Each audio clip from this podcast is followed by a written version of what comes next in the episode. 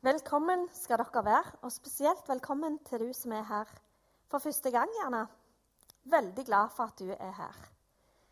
Og så har jeg lyst til å ønske velkommen til du som er ute og går på ski eller et eller annet sted og hører på det opptaket av denne talen på nettet. God påske til dere alle sammen. Jeg har en deilig jente som nå er fem år. For en stund tilbake så skulle hun legge seg. Og så skulle jeg synge nattasang og be en bønn sammen med henne. Sånn som vi pleier å gjøre. Eh, men så fikk hun plutselig et veldig alvorlig og bekymra blikk. Så sier hun til meg, 'Mamma, jeg gruer meg sånn til Jesus og Gud dør.' Og så kjente jeg Ops, et lite skår i stoltheten min. Mamma er pastor, og eh, morfar er prest, og farfar er misjonær. Men jeg holdt roen og sa det, vet du hva? Heldigvis så dør ikke Jesus og Gud, men de lever evig. Og så svarer hun, å ja, men mamma, sant at når noen dør, så blir kroppen igjen her på jorda, og så går sjelen til himmelen? Men mamma, hva med de som dør i himmelen, da? Om da faller kroppen ned, og så blir sjelen igjen? Ja, Det er ikke alltid så enormt lett å forstå dette her. Men eh, med liv og død og evig liv, og det er lett å gå i sør. Men vi er altså inne i en prekenserie som vi har kalt 'Jesus er'. Og Målet med denne serien er å se nærmere på personen Jesus. Vi tar utgangspunkt i Jesus' egne utsagn om hvem han er, og har eh, fokusert på fire av disse. Eh, jeg er verdens lys, og jeg er den gode hyrde, har Frode talt om de to forrige søndagene. Eh, og i dag er det 'Jeg er oppstandelsen og livet'. Eh, Jesus er midtpunktet for den kristne tro og nøkkelen til både kunnskap om og fellesskap med Gud. Han er veien, sannheten og livet. Og Paulus sier i Efeserne 1,10.: Han ville fullføre sin frelsesplan i tidens fylde og sammenfatte alt i Kristus, alt i himmel og på jord i ham.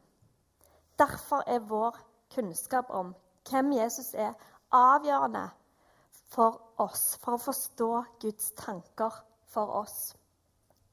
Og Overskrifta i dag er som sagt 'Jeg er oppstandelsen og livet', og den er henta fra Johannes 11 om historien når Jesus vekte opp Lasarus fra døden. Og Jeg satt en stund og lurte på hva slags av alle historiene fra mitt eget liv jeg skulle velge, så har med dette å stå opp fra de døde å gjøre. Det er så altfor mange sånne historier å velge mellom. Det var ironi, altså. Så jeg gikk for denne her med bilen vår. Eh, for ca. tre-fire år siden jeg, eh, hadde jeg vært hos min mentor Ann Ingel Maldal på IMI. Og var som vanlig gira og oppmuntra etter det.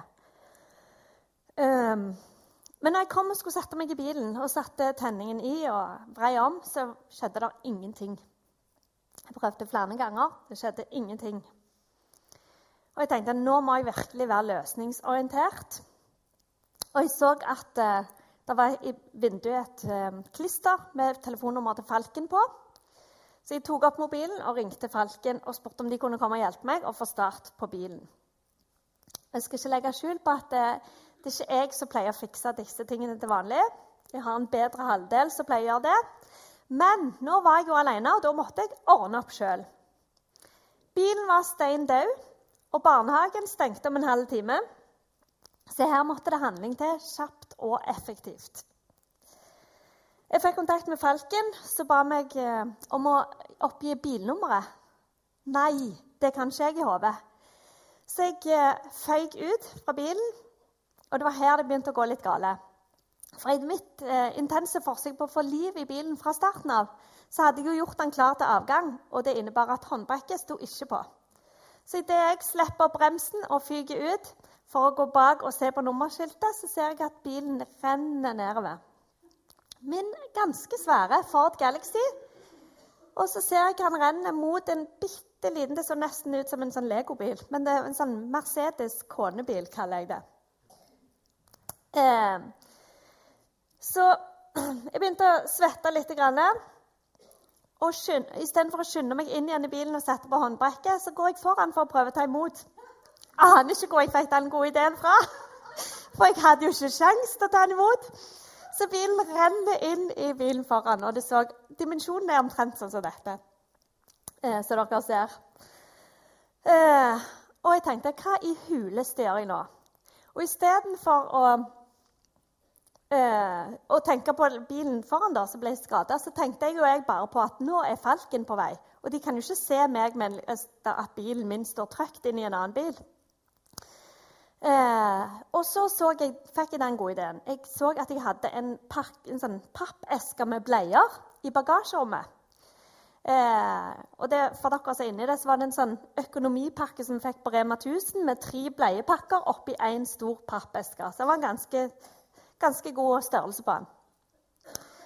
Så jeg tar denne pappesken, eh, og så klarer jeg å mane fram krefter nok for å slippe å bli catcha i dette pinlige øyeblikket, til å dytte bilen en halv meter opp, trykke bleiepakken ned mellom disse bilene, for så gå inn og sette på håndbrekket, for så gå ut igjen, lirke opp denne eska med bleier, hive den inn i bagasjerommet igjen idet jeg ser at falken runder hjørnet inn der. Det var utrolig mye styr. Men de fikk i hvert fall vekt opp igjen bilen min, som var steindød. Eh, og det ble heldigvis ikke så veldig store skader på bilen foran. Eh, så jeg er glad for det. Men i dag, altså. Historien om Lasarus i Johannes 11. En underlig historie. Det er altså Maria eh, som har lest om. Som, hun som salver Jesus og tørker føttene hans med håret sitt. En utrolig kjærlighetshandling. Det er hun altså som har en bror som er blitt alvorlig syk. Og de sender bud på Jesus, og de sier, 'Jesus, du må komme. Han som du er så glad i, er blitt syk.' Så det vitner altså om et nært vennskap, dette. Et nært og godt vennskap. Eh, og når Jesus får denne beskjeden så kan det virke som om han nesten ikke bryr seg eller noe. Han reagerer veldig rart med å drøye enda to dager før han drar av gårde. Og så Etter disse to dagene så sier han til disiplene la oss dra tilbake til Judea. Og Disiplene og Jesus de hadde nettopp vært der, og der hadde de prøvd å steine Jesus. Så disiplene var veldig lite gira på å dra tilbake der. Så Jesus må forklare at Lasarus har sovna, så vi må dra oss og vekke han. Og Da tror jeg de forstår enda mindre sier men hvis han har sovna, så blir han vel frisk. Han sover det sikkert av seg. Men da sier Jesus rett ut Lasarus er død. Og det blir for mye for tvileren Thomas, som sier til de andre OK, la oss dra tilbake der, da. Vi kan like gjerne dø sammen med han. Og i Betania så sitter folk og forventer at Jesus skal komme og gjøre noe.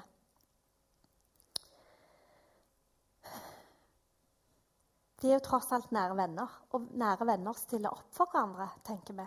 Og det tror jeg de òg gjorde. Både Maria og Martha og de som var for å trøste dem. Men så kommer ikke Jesus. Han dukker ikke opp. Og tragedien er et faktum. Lasarus dør. Når Jesus endelig kommer, så har han vært i graven i fire dager. Tenk for en skuffelse. Her har de mista en bror, en nær venn. Og så kommer ikke Jesus. Mange av oss har opplevd det å miste noen vi er glad i. og Da er det utrolig viktig for oss å ha de nære rundt oss. Både før begravelse, i begravelsen og etter. Og så kommer ikke Jesus, som er denne nære vennen som de hadde satt sitt håp til, før etter fire dager. Og når de får høre at han endelig er kommet, så drar Martha i vei for å møte han. Og Maria hun blir bare værende igjen hjemme. Kanskje motløs og skuffa for at han ikke kom når, når han ennå hadde muligheten til å gjøre noe, mens Lasarus ennå var i live. Martas var mer direkte, gjerne, som jeg leser om tidligere, at hun klagde til Jesus på at Maria hjalp henne ikke nok når de skulle ha selskap. Hun går i møte med fortvilelse og skuffelse og konfronterer, konfronterer Jesus med at han kom for seint. Hun sier, 'Hadde du vært her, så var min bror ikke død.' Stemningen er dyster. Alle er fortvila på hver sin måte. Thomas ser ikke håp. Tvilen er for stor. Og han sier han kan like gjerne dø med han. Maria har mista motet og er skuffa, så hun orker ikke gå ut engang. Og Martha er fortvila ved Jesu forsinkelse. Han kom jo for seint. Og det er ikke vanskelig å kjenne seg igjen i disse reaksjonene. Mange sitter med opplevelsen av at Gud kom for seint. Tvilen og håpløsheten, mismotet, har gjerne fått tak i deg. Kanskje du hadde et skikkelig tro for og håp om at Gud skulle helbrede ektefellen din eller barnet ditt eller den du ba for. Og så skjedde det ikke. For Gud kom for seint, føltes det som. Han dukka ikke opp når du trengte det. Eller kanskje du har bedt og drømt om en ektefelle, og så gikk åra. Og så kom Gud for seint. Eller graviditeten. Det skjedde aldri. Gud kom for seint. Eller rusmisbruket du har bedt om at Gud skulle befri deg eller dine kjære fra. Kanskje det bare eskalerer. Det oppleves som Gud kom for seint.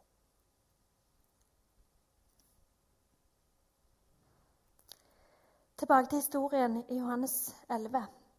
Tragedien er altså et faktum. Lasarus er alvorlig syk, og han dør. Maria er deprimert, Martha er fortvila og skuffa, og folk i Britannia mistet troa, for de hadde en klar forventning om at Jesus skulle komme og gjøre noe. Men vi leser at Jesus kommer, og han ser fortvilelsen deres. Og det står Jesus gråt. Han hadde skikkelig medfølelse med disse som hadde mista en venn og en bror. Så spørsmålet er kom Jesus for seint, eller hvorfor kom han så seint? Plutselig så skjer det nemlig noe som snur alt på hodet. Jesus sier til Martha, 'Din bror skal stå opp.' Og Martha syns gjerne det var en litt sånn fattig trøst, for hun sier ja, tror jo det at han kommer til himmelen, og at det, det er bra, det, liksom. Men så sier Jesus, 'Jeg er oppstandelsen og livet.' 'Den som tror på meg, skal leve om han enn dør.' 'Og hver den som lever og tror på meg, skal aldri i evighet dø. Tror du dette? Ja, Herre, sier Martha. Jeg tror at du er Messias, Guds sønn, han som skal komme til verden. Så lister hun seg av gårde og henter søsteren Maria, og de viser ham hvor graven er. Og Da ber Jesus dem om å rulle vekk steinen. Og folk blir forvirra. For å rulle vekk steinen eh, etter en mann som har ligget fire dager i graven Det er ikke en spesielt god lukt som kommer av det. Men Jesus minner dem om at hvis de tror, skal de få se Guds herlighet. Og han takker Gud sin far og roper til Lasarus. 'Lasarus, kom ut!' Så kommer Lasarus ut med liksvøp rundt hender og føtter. Og Jesus sa, 'Løs han og la han få gå.' Jesus kom i Guds rette tid. Jeg er oppstandelsen av livet. Det står ikke 'jeg kan vekke opp til oppstandelse og liv'. Men jeg er oppstandelsen og livet. Det er ikke en hendelse, en event. Det er en person. Det der med oppstandelsen kan være vanskelig å forstå. Det virker fjernt. Kanskje tviler du til og med på at det var et faktum, dette. Og det kan eh, virke for ufattelig for oss til å gripe dette. I 1937 var det vekkelse i Stavanger. Mange kom til tro på Jesus da. Og Det som prega mye av denne forkynnelsen på den tida, var at du må bli frelst fra fortapelsen til evig liv. Og vi har hørt om de harde 30 åra. Folk var trengende. Så denne forkynnelsen appellerte til datidens mennesker. For det var en tydelig forkynnelse på hva folk eh, måtte bli frelst fra, og hva de måtte bli frelst til. Jeg hørte akkurat en som sa eh, i dag forkynner vi tilgivelse for synd folk ikke de visste de hadde. Vi har det så utrolig godt. Vi har alt vi trenger, og vel så det. Så hvis vi ikke klarer å se den linken mellom mitt liv, mellom korset og den tomme graven, så forstår jeg at det kan bli vanskelig å skjønne hvorfor vi trenger å bli frelst. Og jeg er ikke for noe svovelforkynnelse eller skremsel. Jeg tror heller vi trenger en forkynnelse som hjelper folk til å forstå hvorfor vi trenger denne frelsen. Hvorfor vi trenger Jesu død og oppstandelse. At vi trenger tilgivelse for synd, og vi trenger å få letta de tunge og mørke byrdene våre. Vi trenger frihet og en god og evig relasjon med Gud. En forkynnelse som viser hvordan dette evangeliet er viktig for oss i dag. Oppstandelsen er ikke bare en hendelse, men det er en person. Det handler ikke bare om hva han kan gjøre, faktisk, men det handler om hvem han er. Han er oppstandelsen og livet. Og Det er spennende å se på disse to oppstandelseshendelsene på sida av hverandre. Når Lasarus er i graven, så ber Jesus de om å rulle vekk steinen. Og, han, og ber han komme ut. Mens når Jesus ligger i graven, så kommer kvinnene med velluktende oljer som de skal smøre kroppen med. Og så kommer de plutselig på Oi, hvem skal vi spørre som kan rulle vekk steinen for oss? For de var ikke sterke nok til det. De hadde ikke krefter til det. Og mange av oss har det gjerne litt sånn. Jesus kom for seint. Vi har tvil, vi har skuffelser, vi har skam og nederlag. Så føler vi oss gjerne fanga i denne graven og har ikke krefter til å rulle vekk steinen. Og til deg vil jeg si Jesus har rulla vekk steinen. Jesus kom ikke for seint, men i rett tid etter Guds tidsbegrep.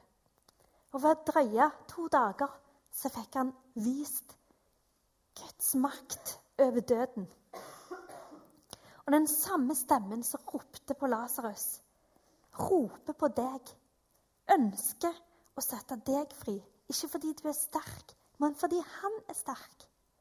Han ønsker å tilgi, ikke fordi du fortjener det, men fordi han elsker deg. Fordi han er så god at han døde for deg og sto opp igjen for deg. Og I Johannes 1 så står det om at Jesus ble menneske, altså ordet ble menneske, og tok bolig blant oss. Og det er en eh, engelsk The Message-oversettelse som sier at eh, Jesus eh, Ordet ble menneske og flytta inn i nabolaget. Altså ble en del av oss, henger sammen med oss. Han er i nabolaget med oss. Og så sier Jesus det er fullbrakt.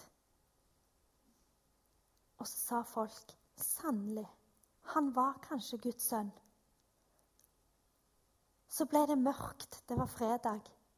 Men da visste de ikke om at søndagen kom. Flere av oss står gjerne fast i tragedien. Fortvilelsen, skuffelsen. Men det er et vendepunkt, for steinen er rulla vekk. Jesus er oppstandelsen og livet. Det handler om hvem han er. Oppstandelsen er en person. Og han vil deg vel. Jeg sier ikke at alt kommer til å være perfekt. At alle blir helbreda eller vinner i Lotto og alt dette her. Men oppstandelsen er ikke bare en hendelse, men en person. Og Jesus ønsker å gjøre noe med dine skuffelser og dine nederlag. Han tilbyr deg evig vennskap, evig støtte og evig liv og frihet. Jeg har erfart noe av dette. I høst så gikk jeg i dødsskyggens dal sjøl. Depresjonen lå som et tjukt lag over livet mitt. Jeg følte Gud var langt vekke. Han elsket alle de andre. Og jeg var fullstendig uverdig i forhold til å bli elsket av Gud. Men gjennom personer, gjennom sanger, gjennom bøker, så rulla Jesus vekk steinen. Så fikk jeg se den tomme graven. Så fikk jeg se at han virkelig er oppstandelsen og livet. For det er ikke en separat hendelse, dette med oppstandelsen. Det er nemlig en person som vi får forholde oss til. Det betyr at historien slutter heller ikke her med den oppstandelsen, men det er her han begynner på mange måter. Han ønsker å komme og berøre deg i det du har opplevd, i de opp- og nedturene i livet. Han ønsker å gå sammen med deg i dette. 9. oktober for fem og et halvt år siden så kom lille Kristoffer til verden. De to første timene var preget av en herlig idyll, sånn som det er å bli foreldre. Den lykkerusen det er. Men så begynte alle disse rutineundersøkelsene. Var det oksygenmetningen de begynte med. Og den viste seg å være så lav at uh, jordmor trodde det var noe galt med apparatet, så hun skifta apparat. Så oksygenmetningen viser like lav. Og så skifter stemningen over til å bli en hektisk, hektisk og rask undersøkelse med utredning som pågikk hele dagen. Og mor Mailen og far Kenneth engasjerte alle de kjente, til å være med og be. Det ble bedt om legedom, det ble bedt om visdom til legene. Og på slutten av dagen så måtte legene i Stavanger bare si at vi finner ikke ut hva som er galt. Vi må sende han til Oslo. Så blir han sendt av gårde uten mor og far i flyet. De måtte hive seg på første rutefly. Og de ante ikke om gutten overlevde flyturen engang. I Oslo fant de ut at årene som skulle gå til lungene, gikk til leveren. Så det var full fart inn på operasjonssporet. Og så var operasjonen vellykka. Men så oppstår det post, postoperative komplikasjoner. Så gutten svever igjen mellom liv og død. Men så får de ordna det igjen. Og så blir han kjent, denne gutten, som det lille underet på sykehuset. Og i dag er Kristoffer en friske og herlig gutt som elsker fotball. Og farmor Unni, som leder her i dag, hun sa det. Jeg tenker ennå på den bønnen som pastor Frode ba. Både om legedom, men om visdom til legene. For hadde ikke de sendt han til Oslo, så hadde han neppe overlevd. Og familien tenker sikkert mye på denne herlige guttens dramatiske start på livet. Hvordan det kunne ha gått. Men samtidig så slutta ikke historien med denne dramatikken. For Kristoffer ble friske. Han fikk vokse opp. Og mor og far og besteforeldre, onkler og tanter og lillesøster Anniken etter hvert fikk bli kjent med han. Fikk relasjon til han. Så da er det Kristoffer de tenker på når de ser han, ikke bare den dramatiske hendelsen. For de har fått bygd opp noe. De har fått bygd opp en relasjon med han. Og På samme måte så kan vi se på Jesu oppstandelse. Det slutta ikke med oppstandelsen, men det er her det begynner. Vi kan få bygge historien vår, livene våre, på denne relasjonen med Gud. Så la Gud få berøre dine nederlag, dine skuffelser, din skam og din tvil. Si det til han, det som plager deg. Oppstandelseskraften er nemlig tilgjengelig her i dag. Den er ikke gått ut på dato. Den er her i dag. I 1. Korinterne 15, 55 står det Død, hvor er din brodd? Død, hvor er din seier? Og som vi sang her tidligere Deg være ære, Herre over dødens makt. Oppstandelsen er en person. Noen av oss er gjerne holdt nede av synden, men Jesus kan gjøre oss helt nye. Det er det som er de gode nyhetene. I Bibelen står det at syndens lønn er døden. Men Jesus er oppstandelsen og livet. Det betyr at ved å velge å tro på Han, så blir vi tilgitt. Så får vi evig liv. Så får vi leve i nabolaget, i fellesskapet med Han. Og vi får ha en sann venn som går med oss gjennom alt. Og ved å ta imot det som Gud har for oss, så blir vi virkelig fri. Dette er en gavepakke fra himmelen. Jeg er oppstandelsen og livet, sa Jesus. Skal vi be?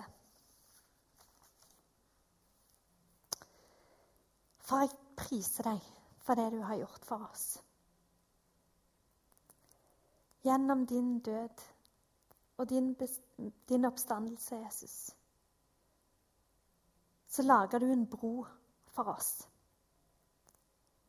Sånn at vi igjen kan få ha en evig og fantastisk god relasjon med Gud. Takk for at det er ingen fordømmelse for den som er i deg. Takk for at når Sønnen får frigjort oss, så blir vi virkelig fri. Og denne friheten kan vi få feire i dag, Herre.